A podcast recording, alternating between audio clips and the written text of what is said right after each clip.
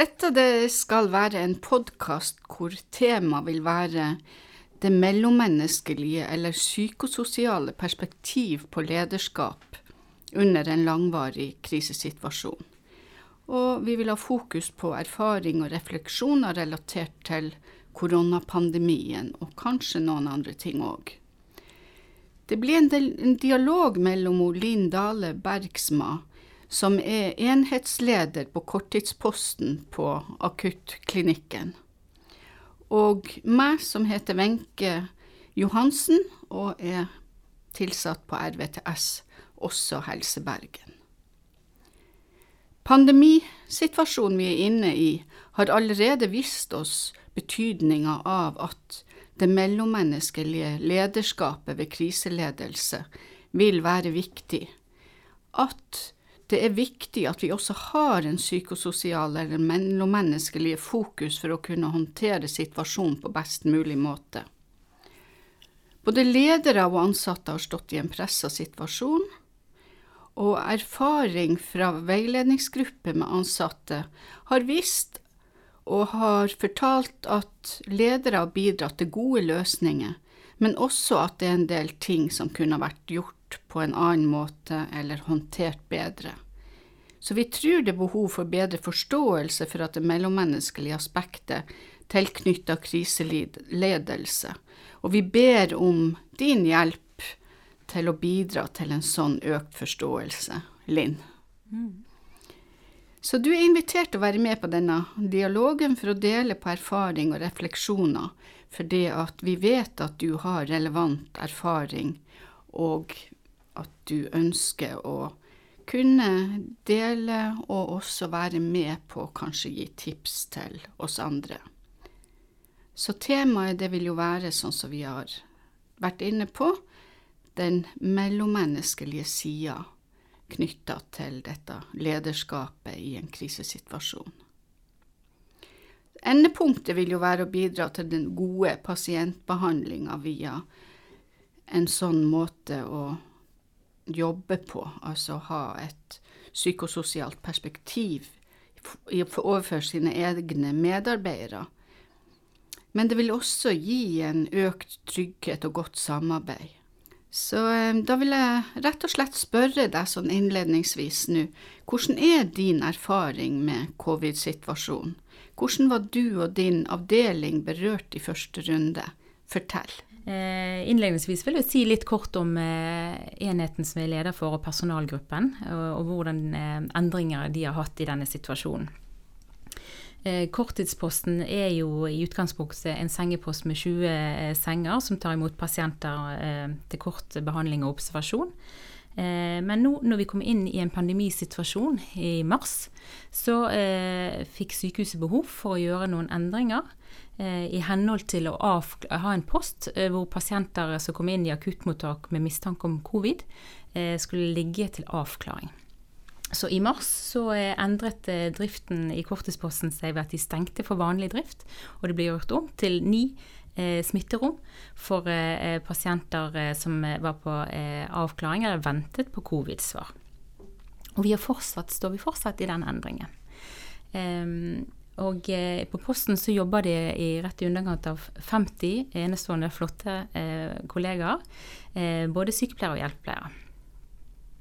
Og jeg tenker eh, dette kom jo litt brått på oss i mars. Vi så jo i ukene før at det begynte å skje ting i verden, eh, og vi var begynt å forberede oss, men allikevel så må jeg få lov å si jeg følte at det kom litt brått på oss. Eh, eh, og endringene kom tett og hyppig i starten. Eh, men jeg opplevde et personale som eh, gikk inn i en slags beredskapsmodus. Eh, og det handler litt gjerne om eh, erfaringen de hadde fra før av, det om å jobbe med akutte pasienter, og tidligere også ha erfaring med beredskapssituasjoner. Så jeg opplevde eh, veldig sterkt i begynnelsen at eh, personalet eh, var klar for å gjøre en innsats. Stilte opp eh, og virket litt uredd. Du sier at Eh, de ansatte var rolige, og at de var mm. veldig opptatt av mm. å bidra og av å, å gjøre en innsats. Eh, men jeg vet også fra andre avdelinger at det var mange som opplevde en, en viss panikk, altså, fordi at man var så Det var så uforutsigbart, det som skulle komme. Man var engstelig for at man skulle få samme tilstander her i Norge, på Haukeland, som man hadde i Italia, og hvor det skulle bli så veldig mange pasienter, og at man ikke skulle klare å håndtere det. Eh, men det var ikke sånn hos dere. Jeg opplevde ikke det akkurat. Klart at personalet bekymrer seg over situasjonen man ser i, i resten av Europa og verden. Eh, jeg opplevde personalet slik at initialt så eh, går man inn i et slags beredskapsmodus. Og det er gjerne vanlig hos personell som er vant med å jobbe med akutte eh, hendelser og beredskapssituasjoner. Sånn at jeg opplevde at personalet var skjerpet eh, klar for å jobbe og er med et sterkt ønske om å bidra. Det er klart at personalet også er urolig. Eh, og fagpersonell generelt ønsker jo å ha svar, to streker under svaret på ting man jobber med. Og i denne situasjonen her som vi er i nå, så hadde vi ikke alltid de svarene. Så det er noe med å hjelpe òg eh, ansatte til å håndtere en hverdag eh, hvor man ikke vet alle svarene. Mm. Men du har jo egentlig også en gruppe medarbeidere som i utgangspunktet, når de søker seg jobb på en sånn type avdeling, så liker de jo òg å få utfordringer. Og å møte det uventa nesten hver dag. Så eh, gjør det at de eh, blir mindre aktivert og stressa enn personer som ikke har den driven. Det stemmer. Personalet i Korttidsposten er vant med hyppige endringer fra før, og har en omstillingskompetanse i bunn. Det er klart at det spiller nok inn i en sånn situasjon. Og Samtidig er det viktig å bemerke at eh, selv om gruppen som helhet fremstår som relativt rolig og klar for jobb, så må man som leder være på vakt overfor de som er bekymret og gjerne ikke klarer å formidle det. Eh, og da husker jeg at jeg kjente veldig sterkt på et ansvar som leder. For når personalet stiller opp på den måten, eh, og vi vet jo at det er utrygge tider og veldig lite kjent rundt dette viruset den gang da, så følte jeg et veldig ansvar for at nå må jeg gjøre alt jeg kan for at personalet skal få gjøre denne jobben så trygg som mulig. Mm.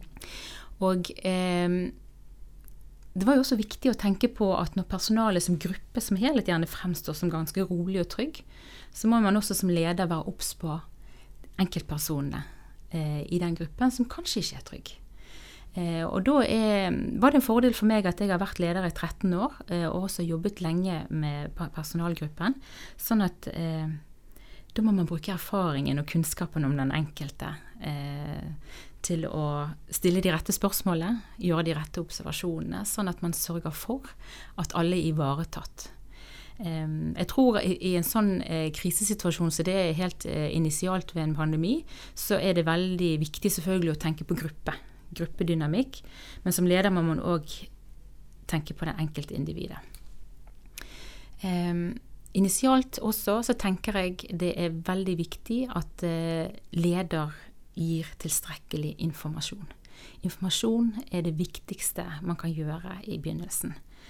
Um, og tilstrekkelig informasjon, men ikke mer enn nødvendig. For det kan bli for mye informasjon også. Så man må på en måte tenke godt igjennom um, hvordan man gir, og eh, hvilken informasjon man gir. Men det her med å se de, mm hva, eh, hvordan jobba du for at de skulle vite at de ble sett, og at de ble eh, på en måte satt pris på? Mm. Nei, det er jo å være i dialog eh, og samtale og være tilgjengelig. Og det er jo forskjellige måter å gjøre på det, men det ofte handler det mye òg om å bruke de små gylne øyeblikkene. Sant? Når vi går forbi hverandre i en korridor, mm. eller hvis vi tar en liten uformell prat. Eh, de øyeblikkene er veldig, veldig viktige i en sånn periode. Mm. Eh, vi kan gjøre det med blikk. Eh, vi kan gjøre det med en positiv tegn. og så tenker jeg òg i all kommunikasjon som gjøres, om det er på SMS eller på e-post, så må man òg beskrive ta kontakt. hvis du lurer på noe. Jeg er tilgjengelig, og ikke begrense det med noe som tid på døgnet og den type ting. Men i all kommunikasjon man eh, har, om den er muntlig eller skriftlig, at det kommer frem at ta kontakt hvis det er noe som er uklart, eller noe du lurer på eller har behov for. Mm.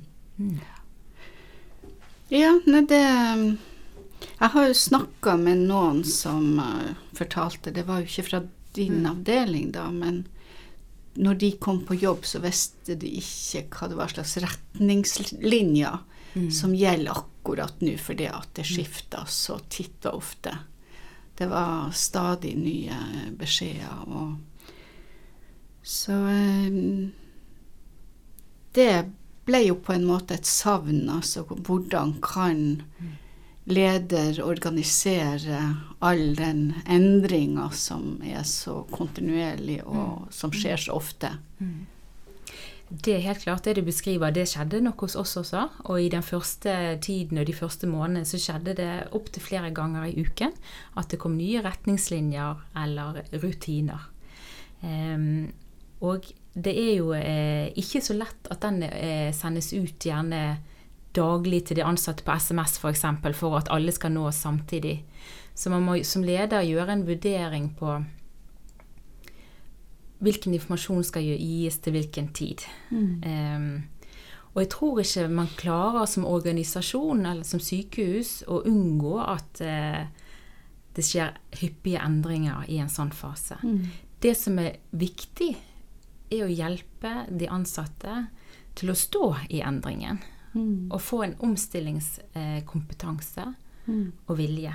Um, jeg tror det er nesten vel så viktig, for jeg tror ikke det er helt realistisk at man kan unngå at det skjer endringer, hyppige endringer i en sånn fase som vi har vært i nå. Mm. men selvfølgelig noen ting kan man gjøre med at man kan samkjøre noe litt bedre, eller uh, sørge for at endringene kommer på bare én gang i uken, den type ting. Men uh, i en krisesituasjon så går det fortløpende. Ja. Og det tror jeg også er en energilekkasje for de ansatte i en sånn periode. Og hver dag komme på vakt hvor det er kommet nye endringer. Absolutt. Det er krevende. Og jeg tenker i hvert fall over tid. Og jeg ser at det personalet som jeg er leder for, vi står i endringer enda. Helt siden mars. Um, og da endrer også kapasiteten seg for endring og omstilling. Endrer seg underveis. Man blir på en måte trett av omstilling og endring, som er helt naturlig. Um, så vet ikke om det var svar på spørsmålet ditt, men jeg tror eh, initialt i en krise så eh, er det ikke til å unngå, tror jeg alltid, at endring, eh, det kommer nye endringer hyppig. Mm. Det var en som foreslo at uh, Eller de skulle ønske at det kunne vært ei tavle hvor det aller siste sto. Um, eller et gangmøte. Er det en måte å gjøre det på som du tenker lar seg gjennomføre, eller blir det òg vanskelig? Ja, jeg har sett forskjellige løsninger. Eh, Jeg vet jo at eh, en annen enhet i klinikken har en elektronisk informasjonstavle, som også er ansatte kan være koblet på på app hjemme.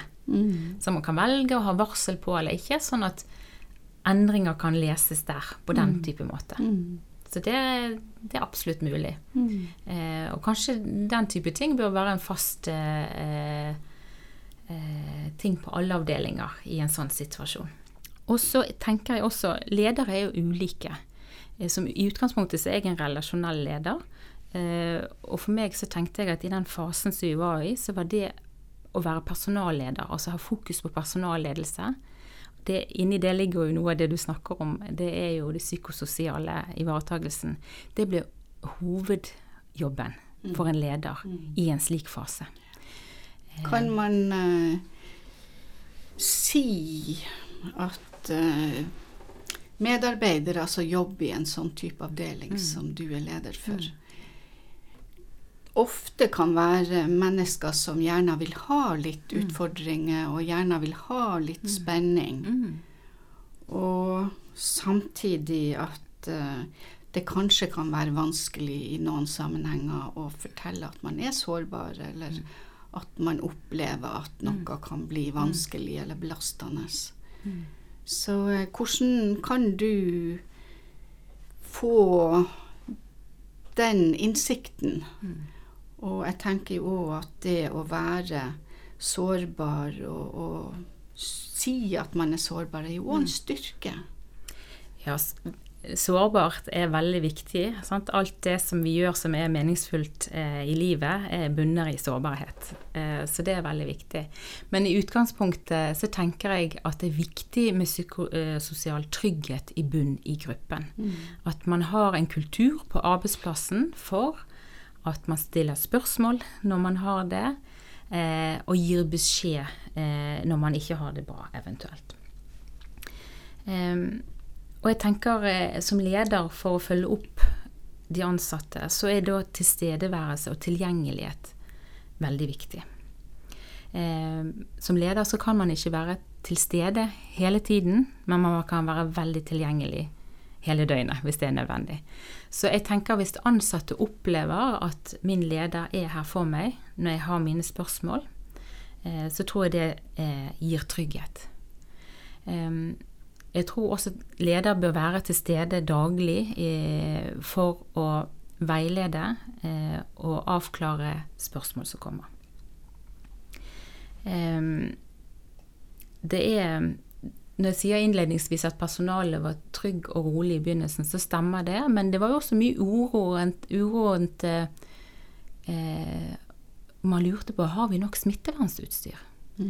Eh, det var kanskje der uroen var mest. Eh, og jeg tenker at eh, det var veldig viktig for meg at personalgruppen ikke skulle bruke unødvendig energi på noe de ikke hadde råderett over eller kontroll over.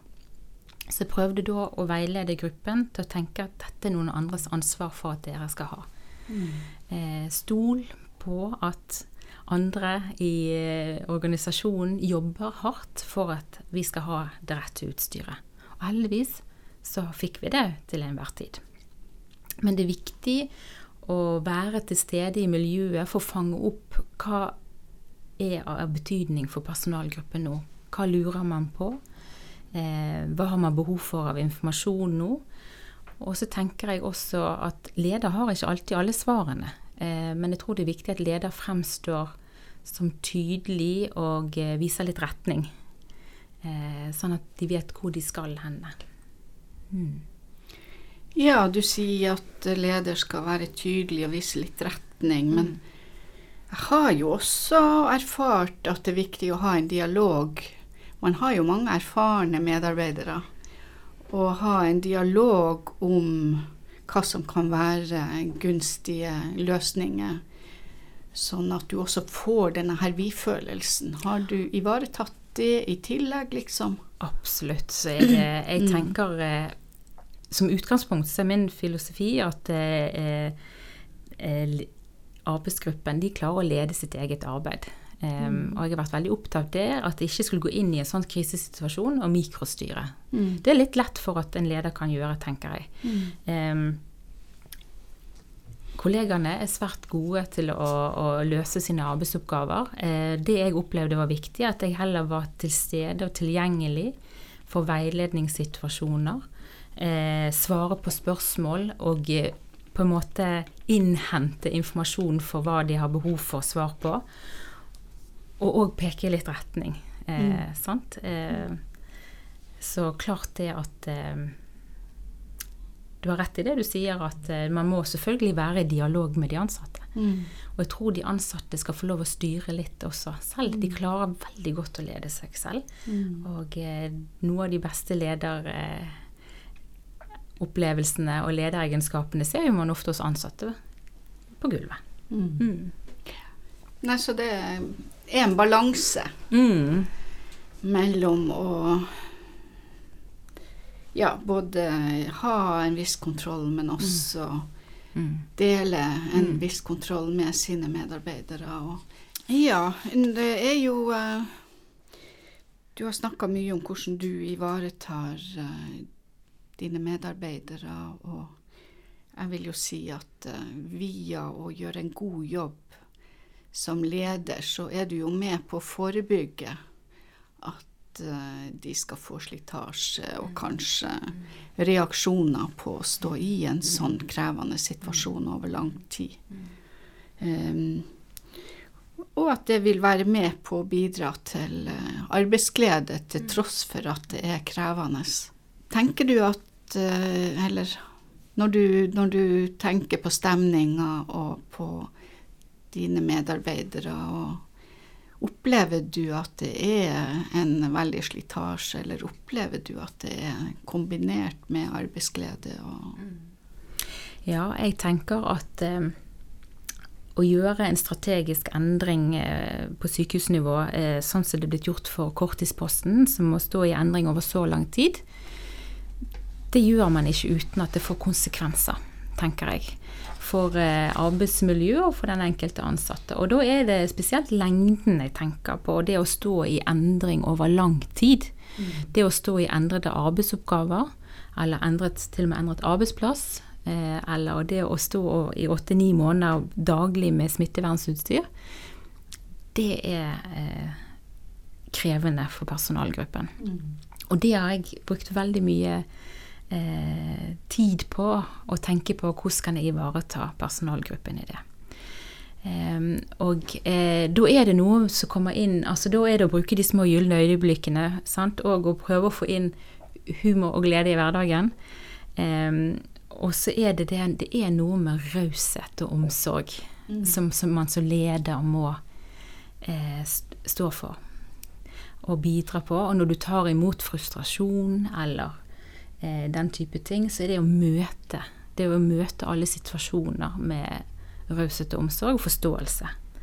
Og så fins det veldig veldig mange gode veiledningsmuligheter. Det er noe av det fineste jeg sitter igjen med nå i denne tiden. De én-til-én-samtaler og gruppesamtaler hvor vi mm. i lag løfter hverandre. Mm. Mm, for det er noe med det å prate om ting. Sant? Eh, det er så godt å få satt ord på ting. Eh, da får man det litt ut mm. av systemet. Mm. Ja. Men jeg vil jo gjerne benytte anledningen til å si det at altså, jeg sa litt innledningsvis, altså fokus på personalledelse er veldig, veldig viktig. Det er der hovedarbeidstiden til en leder bør være i en sånn tid. Det å være der for de ansatte. Eh, og nedprioritere ganske mange andre ting. Eh, synes jeg, i hvert fall. Mm. Og jeg tenker når man har litt kunnskap om personalledelse, så må man også kunne se og ha forståelse av personalgruppen består av ulike generasjoner. Mm. Ulike personligheter. Sant? Og tenke òg det at eh, det å behandle rettferdig betyr ikke behandle likt. Den enkelte har ulike behov. Mm. Og det er jo sånn til vanlig at mens noen må dyttes litt, så må noen holdes tilbake.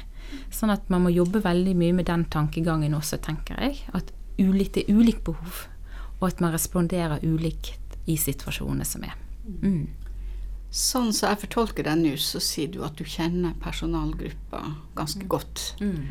Eh, vet du hvordan de har det hjemme, om de har noen som støtter de hjemme, mm. mm. eller om de er alene. Mm. Så det her med sosial støtte og det her med å kunne ha en kunnskap om å ta vare på seg sjøl. Tenker du at de har, har et ansvar, de òg? Klart det. Jeg tenker uh, begge parter har ansvar. Uh, og jeg tenker at uh, jeg føler meg litt sånn privilegert, for jeg føler at jeg har fått ta del i litt privatlivet til folk òg. og da tenker jeg det er veldig viktig i en sånn fase at leder tenker på totalbelastningen. Mm. Fordi at hvis det også er krevende på hjemmefront, og krevende på jobb, da kan det bli litt mye. Sånn at mm. man på en måte må det, ta det i betraktning når man er inne og eh, følger opp en ansatt. Hvordan er totalbelastningen her? Mm. Mm. Og så innledningsvis òg i, i, denne fasen så var jo det veldig mange som ville jobbe veldig mye, for man var, ville gjøre en innsats. Og der òg må man tenke på to totalbelastningen, prøve å holde oversikt over mm. mm. Er det noen jeg må begrense litt her, sånn at ikke det blir for mye. Eh, det er leders jobb òg, men det er også selvfølgelig ansattes ansvar å gi beskjed. Eh, og prøve å sette grenser for seg selv, men eh, det er ikke alltid like lett. Og da må leder være litt årvåken for, for den totale belastningen. Det her med kollegastøtte, har du god erfaring med det? Mm. Eh, vi har eh, kolleger, to kollegastøtter i Posten og har hatt det gjennom mange år. Eh, og de har vært i funksjon under denne tiden også. Eh, men vi har eh, ikke satt det i noe mer system enn mm. en, eh, enn det. Det kunne vi kanskje ha gjort.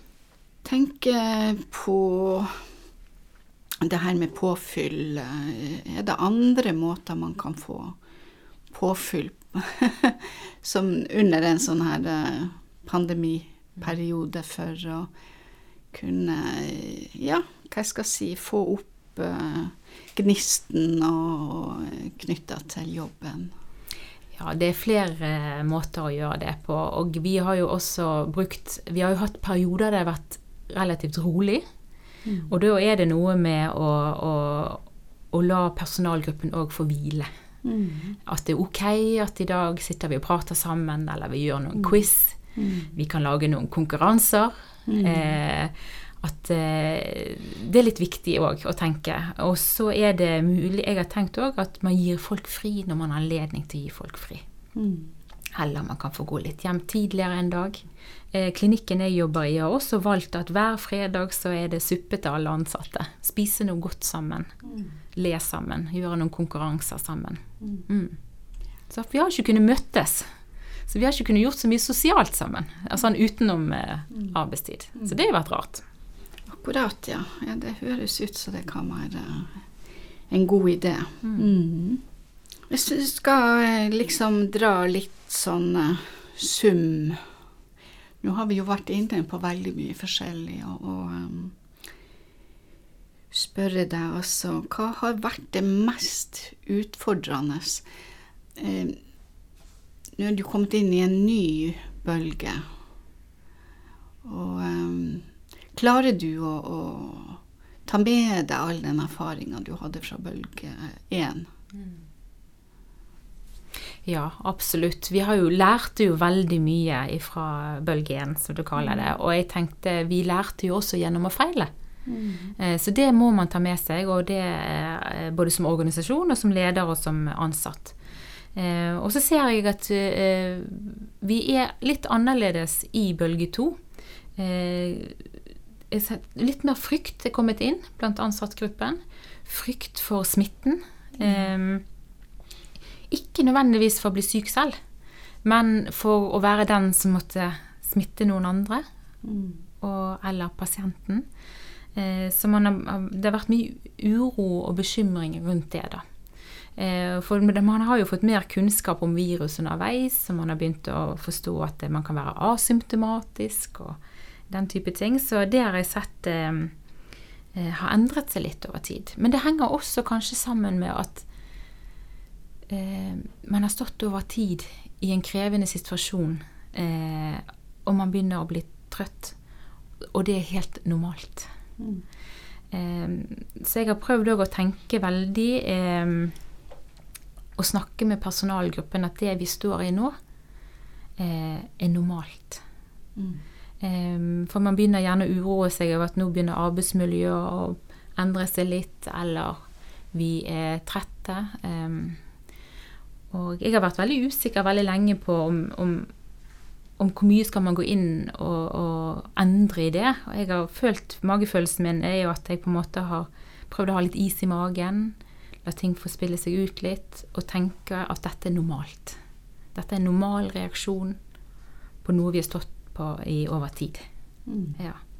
Berolige med hverandre at eh, dette er en fase. Og så at eh, det der om å oppmuntre til raushet eh, eh, er viktig overfor hverandre. Og så tenker jeg at enhver leder bør kjenne til eh, og forstå eh, følelser. Eh, spesielt sine egne. Det har vært veldig viktig. Det har jeg lært i år. At eh, jeg må ha et veldig bevisst eh, forhold til hvilke følelser jeg kjenner, og hva det gjør med meg. For det er jo gjerne sånn med følelser at når det blir for mye, og følelser det kan jo være skam, sinne, frustrasjon, sant? Når det blir for mye, og vi ikke klarer eller orker å forholde oss til det, så sender vi det gjerne ut. Det er min opplevelse. Eh, Og det ser vi, eh, og tenk som leder så har det vært veldig viktig at jeg må ha Hvis jeg kjenner at det blir for mye følelser en dag, eh, så må jeg tenke meg på å trekke meg unna noen situasjoner. Mm. Det har vært viktig. Sånn at ikke jeg skal påvirke personalgruppen eh, med at jeg kan bli kort eller sur eller eh, komme med feil kommentar. Eh, og jeg tenker Sånn må vi hjelpe personalgruppen litt å forstå at vi har ulike følelser, og noen ganger kommer de til uttrykk. Og de kommer gjerne ikke alltid til uttrykk eh, som gjenspeiler følelsene, eller eh, sant? Da kan vi få det til å omhandle andre ting. Mm. Så det har jeg tenkt på veldig mye, og kanskje beskriver det litt dårlig, men det å tenke på og være bevisst på hva gjør disse følelsene jeg kjenner nå, med meg og min utøvelse av ledelse. Mm. Det, det har vært eh, egentlig en fin opplevelse.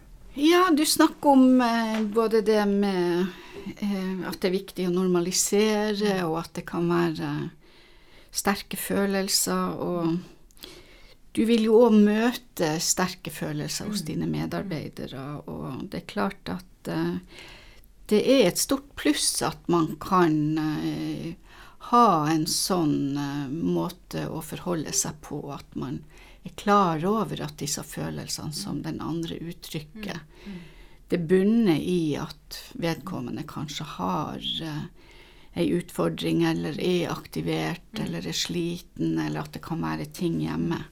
Sånn at uh, det her å normalisere og på en måte tenke at dette gjelder ikke meg, men det er et uttrykk for det at vedkommende har slitasje på en eller annen måte. Så, så det å balansere det, det er kjempeflott.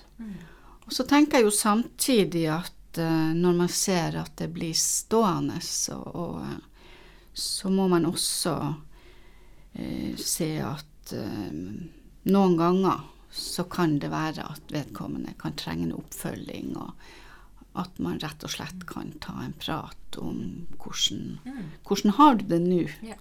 Ja. Og, eh, og være på tilbudssida der, da, i forhold til at man kan uh, gi rom for og muligheter for, uh, for oppfølging. Mm. Ja, Det fins jo mange sånne gode situasjoner, heldigvis, i eh, min arbeidshverdag, hvor uh, jeg ser på det som eh, tillitserklæring når man får de gode samtalene. Og eh, det fins mange muligheter man har som leder til å gjøre små, korte tilrettelegginger som gjør at en intens fase kan eh, bli kortere. Eh, og at man kan eh, få det bedre eh, etter hvert. Og jeg tenker det er viktig at leder bruker det handlingsrommet de har, til å støtte ansatte hvis de har behov til det. Det kan være at det er bare så mye som at eh, kanskje du skal ta deg fri denne dagen, eller en vakt, og få deg en god langhelg. Så å puste litt godt og gå en god tur, så er neste uke bedre. Ja. Vi har jo blitt veldig opptatt av, vi som jobber med sånn psykososial beredskap, eh, både det med, med normalisering, og men også noe å kalle proaktiv. At, eh, for det viser seg, og det vet vi både fra forskning og erfaring, at eh, når man sliter, så kan man ha tendens til å lukke det inne. At man ikke vil formidle at man ser på det som en svakhet. Mm. Og man kan være usikker. Man kan ha et vell av følelser som kan Mm. være både skam og, og skyld. Og Mm. at man er litt nedstemt og sånn. Mm. Så da anbefaler vi veldig sterkt at man er proaktiv og spør. Mm. Og kanskje spør litt bredt, Mm. sånn at man ikke gir svaret sjøl, men altså sånn at man eh, lar den andre få lov til også å komme fram med det som eventuelt eh, kan være problematisk, og som vedkommende da vil dele. Hva tenker du om det her med, med proaktivitet? Jeg tenker det du sier er veldig fint og veldig riktig. Og eh, jeg tror det, det, det gjøres nok en del den type spør, åpne spørsmål og skape dialog på den måten. Men kanskje vi skal alle som ledere bli flinkere til å ha det fremme som et verktøy som vi bevisst bruker. Mm. Ja, er det noe mer du vil trekke fram? Jeg tenker at vi eh, har kommet eh, et stykke på vei. Er det, er det ting vi ikke har vært inne på som du vil trekke fram?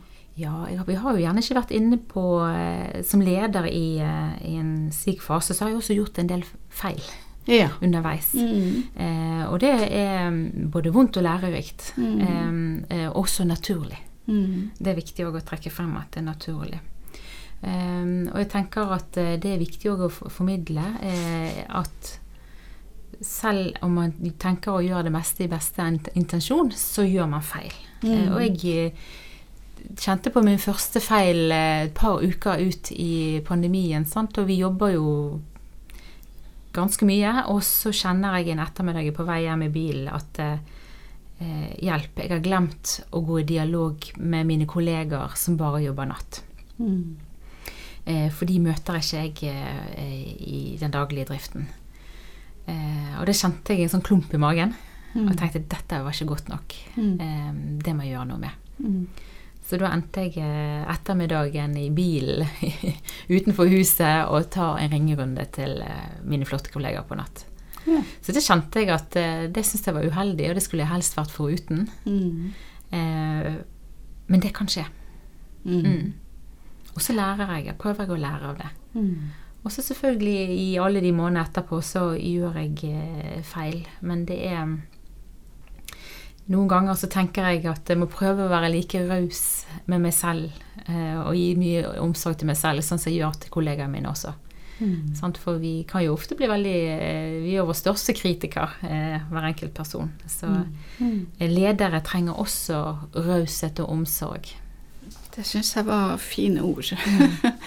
det er jeg veldig enig med deg i, at det er klart lederen trenger raushet og omsorg. Mm. Og, ja, både fra de som er Mm. medarbeidere, men også fra de som står over en Absolutt. i uh, Mm. toppledelse. Og det du trekker fram med å gjøre feil, og, og du sa at da satte du deg i bilen, og så, så ringte du. Mm. Eh, hva slags reaksjoner fikk du når du ringte? Var de irritert på deg for at du hadde glemt dem av, eller syns de at det var Nei, fint at du ringte? s- ja, de var ikke, de viste ingen irritasjon, de viste takknemlighet, Mm. og samtidig også forståelse. Ja. Jeg er glad for at du ringte, dette hadde jeg behov for, men jeg forstår at du hadde glemt det. Ja. Eh, Så det er, en, det er jo en Når man først har gjort en feil, så er det en fin måte å bli møtt på, tenker jeg. Ja. Ja. Men det er jo um, eh, Viser jo òg på den psykologiske tryggheten man har i relasjonene til hverandre òg, tenker jeg. Mm. Mm. Og det viser òg at når du er ærlig, Mm. så eh, har vi forståelse for at det kan bli gjort feil, og Ja. vi aksepterer det og er storsinna. Ja. Det er jo noe annerledes hvis man eh, ikke er ærlig i en sånn sammenheng. Jeg tenker det er veldig viktig at leder eh, er ærlig med å si når de ikke har et svar å komme med, eller man ikke vet. Eh, eh, man blir ofte avslørt hvis man ikke gjør det, tenker jeg. Men, eh, men eh, man viser ved å være ærlig og sårbar eh, eh, menneskelighet. Og man skaper også relasjon i det, tenker jeg. Eh, og eh, de fleste forstår at det er naturlig, og at en leder ikke kan vite eller eh, svare på alt. Og jeg tenker at i denne situasjonen vi har stått i nå over så lang tid, eh, så er det noe med å hjelpe både ansatte og ledere med å forstå at vi kan Vi har ikke svar på alt. Eh, som fagpersoner så ønsker vi veldig gjerne å jobbe med to streker under svaret. Eh, I denne situasjonen så har vi ikke det.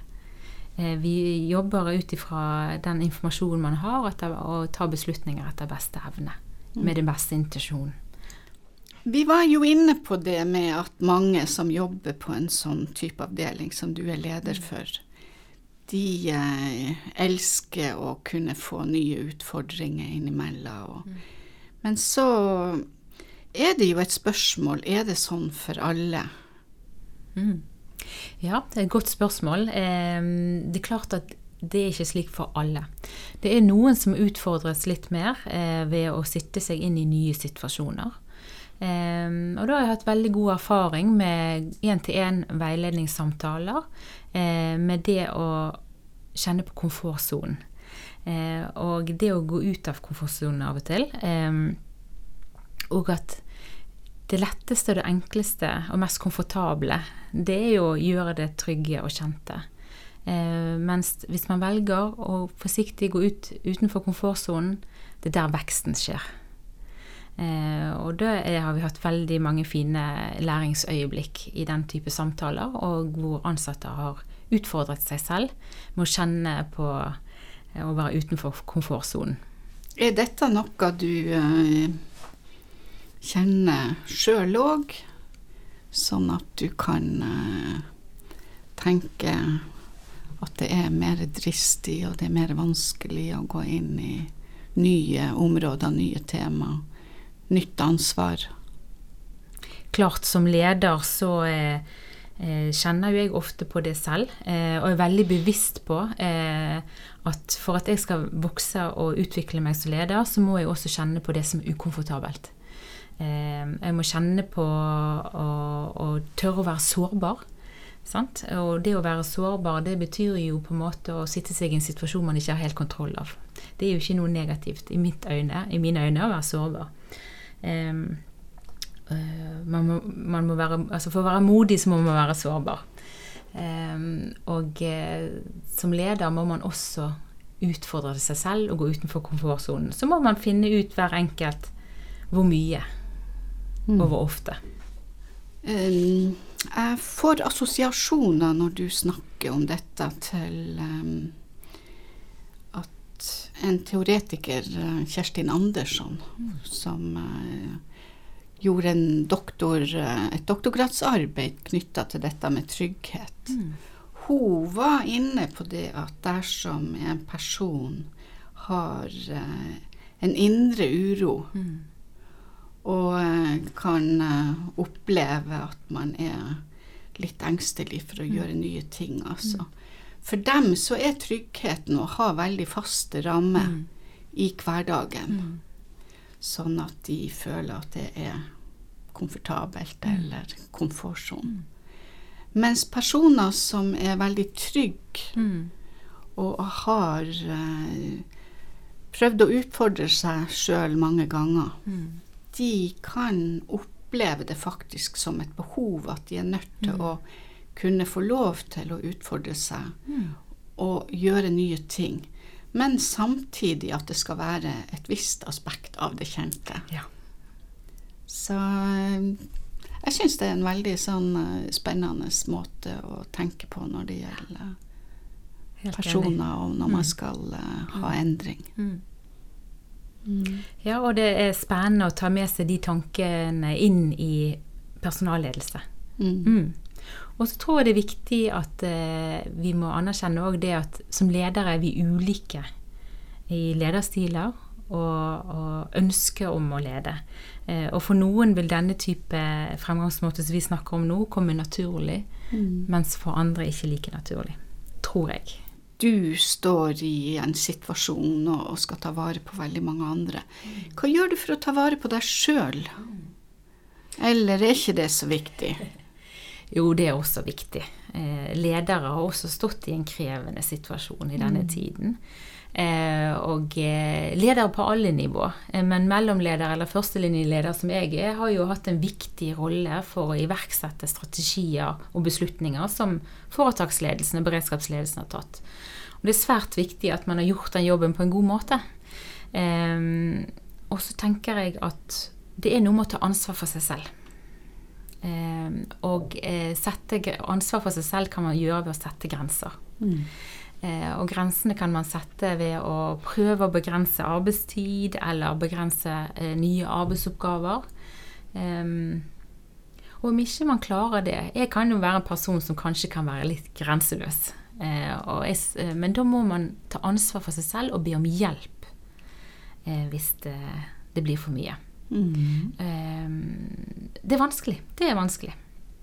Ja, det er vanskelig å be om hjelp, og hvem kan eventuelt være hjelperen din? Ja, og jeg tenker det er ikke vanskelig å be, be om hjelp i som kultur og som holdning i eh, organisasjonen.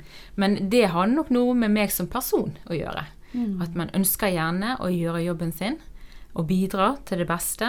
Og sørge for at uh, jeg har gjort min del av eh, eh, jobben i denne perioden. Og jeg tror jo også at eh, sykehusledelsene har behov for ledere på eh, mellomledere og førstelinjeledere som evner å ta beslutninger og eh, styrer og leder avdelingen godt. Eh, men det er jo det å bruke sine andre lederkollegaer yeah. blir veldig viktig. Mm. Eh, løft, og at man kan, kan løfte hverandre, og at man kan eh, snakke ut til hverandre. Mm. Det tror jeg er veldig viktig. At man jevnlig sitter seg ned og tar en prat med eh, sine medledere. Mm. Jeg tror det er en veldig viktig eh, støttefunksjon i en sånn tid. Er det noe dere gjør helt sånn spontant, eller har dere organisert uh, en type prosessveiledning, eller? Nei, eh, hos oss har vi gjort det helt spontant i vår ledergruppe, og det har eh, vært godt. Eh, organisasjonen har jo laget eh, egen rutine for oppfølging av ledere også. Eh, og det er også gjort, laget en psykososial oppfølging av ansatte og ledere som har behov for det. Altså et tilbud om psykososial oppfølging. Mm. Så organisasjonen har løst det på litt ulike måter. Mm. Men så må den enkelte leder selv ta ansvar for å ta i bruk det tilbudet som er tilgjengelig. Mm. Eh, når du tenker tilbake nå altså på denne langvarige krisen, og at nå er man for så vidt på tur inn i, eller hvor lenge denne her fase to vil vare, det vet vi jo ikke. Det vil jo veldig avhenge av hvordan vi får kontroll med, med smitte og spredning av den, da. Men hvis du skal gi noen tips til andre som er ledere i forbindelse med helse Altså innenfor helse nå i denne perioden. Hva vil du trekke fram? Jeg tenker eh, fokus på tilstedeværelse og tilgjengelighet. Omsorg og raushet. Em, tåle å stå i det òg. Jobbe med å stå løpet ut. Em, og så ha litt is i magen. Ikke gå i fellen med mikrostyre som leder, tenker jeg. Um, og tør å være sårbar som leder også. Vise også som leder at uh, jeg òg syns at dette er tungt. Jeg òg syns at dette har vart lenge, f.eks. Eh, eller innrømme 'nå tok jeg feil'. Eh, det er sånn umiddelbart jeg tenker på. Det er det personalet som vi leder, det er jo, der, altså de er jo nærmest det de som har verdiskapning for pasientene. Sant? Pasientene er vår hovedarbeidsoppgave. Det er jo da gullet i organisasjonen. Og da tenker jeg behandle de deretter. Og da i en sånn krise så tenker jeg det største fokuset skal være ivaretagelse av personalgruppen som leder. Mm. At vi står i lag. Står i lag. Ja. Eh, sørger for å svare på spørsmål, sørger for at utstyret er tilgjengelig. Være der for en prat. Eh, le litt sammen. Mm. Så det du sier, det er jo både å ha rammen på plass, men også være en eh, støtte. Og det Mm. må jo være gjensidig støtte, da. Ja. Ja. Mm. Mm. Ja, og så er det litt tilbake med det å la de få styre og lede seg selv litt, men òg hjelpe de med retning. Det tror jeg også er viktig. Mm.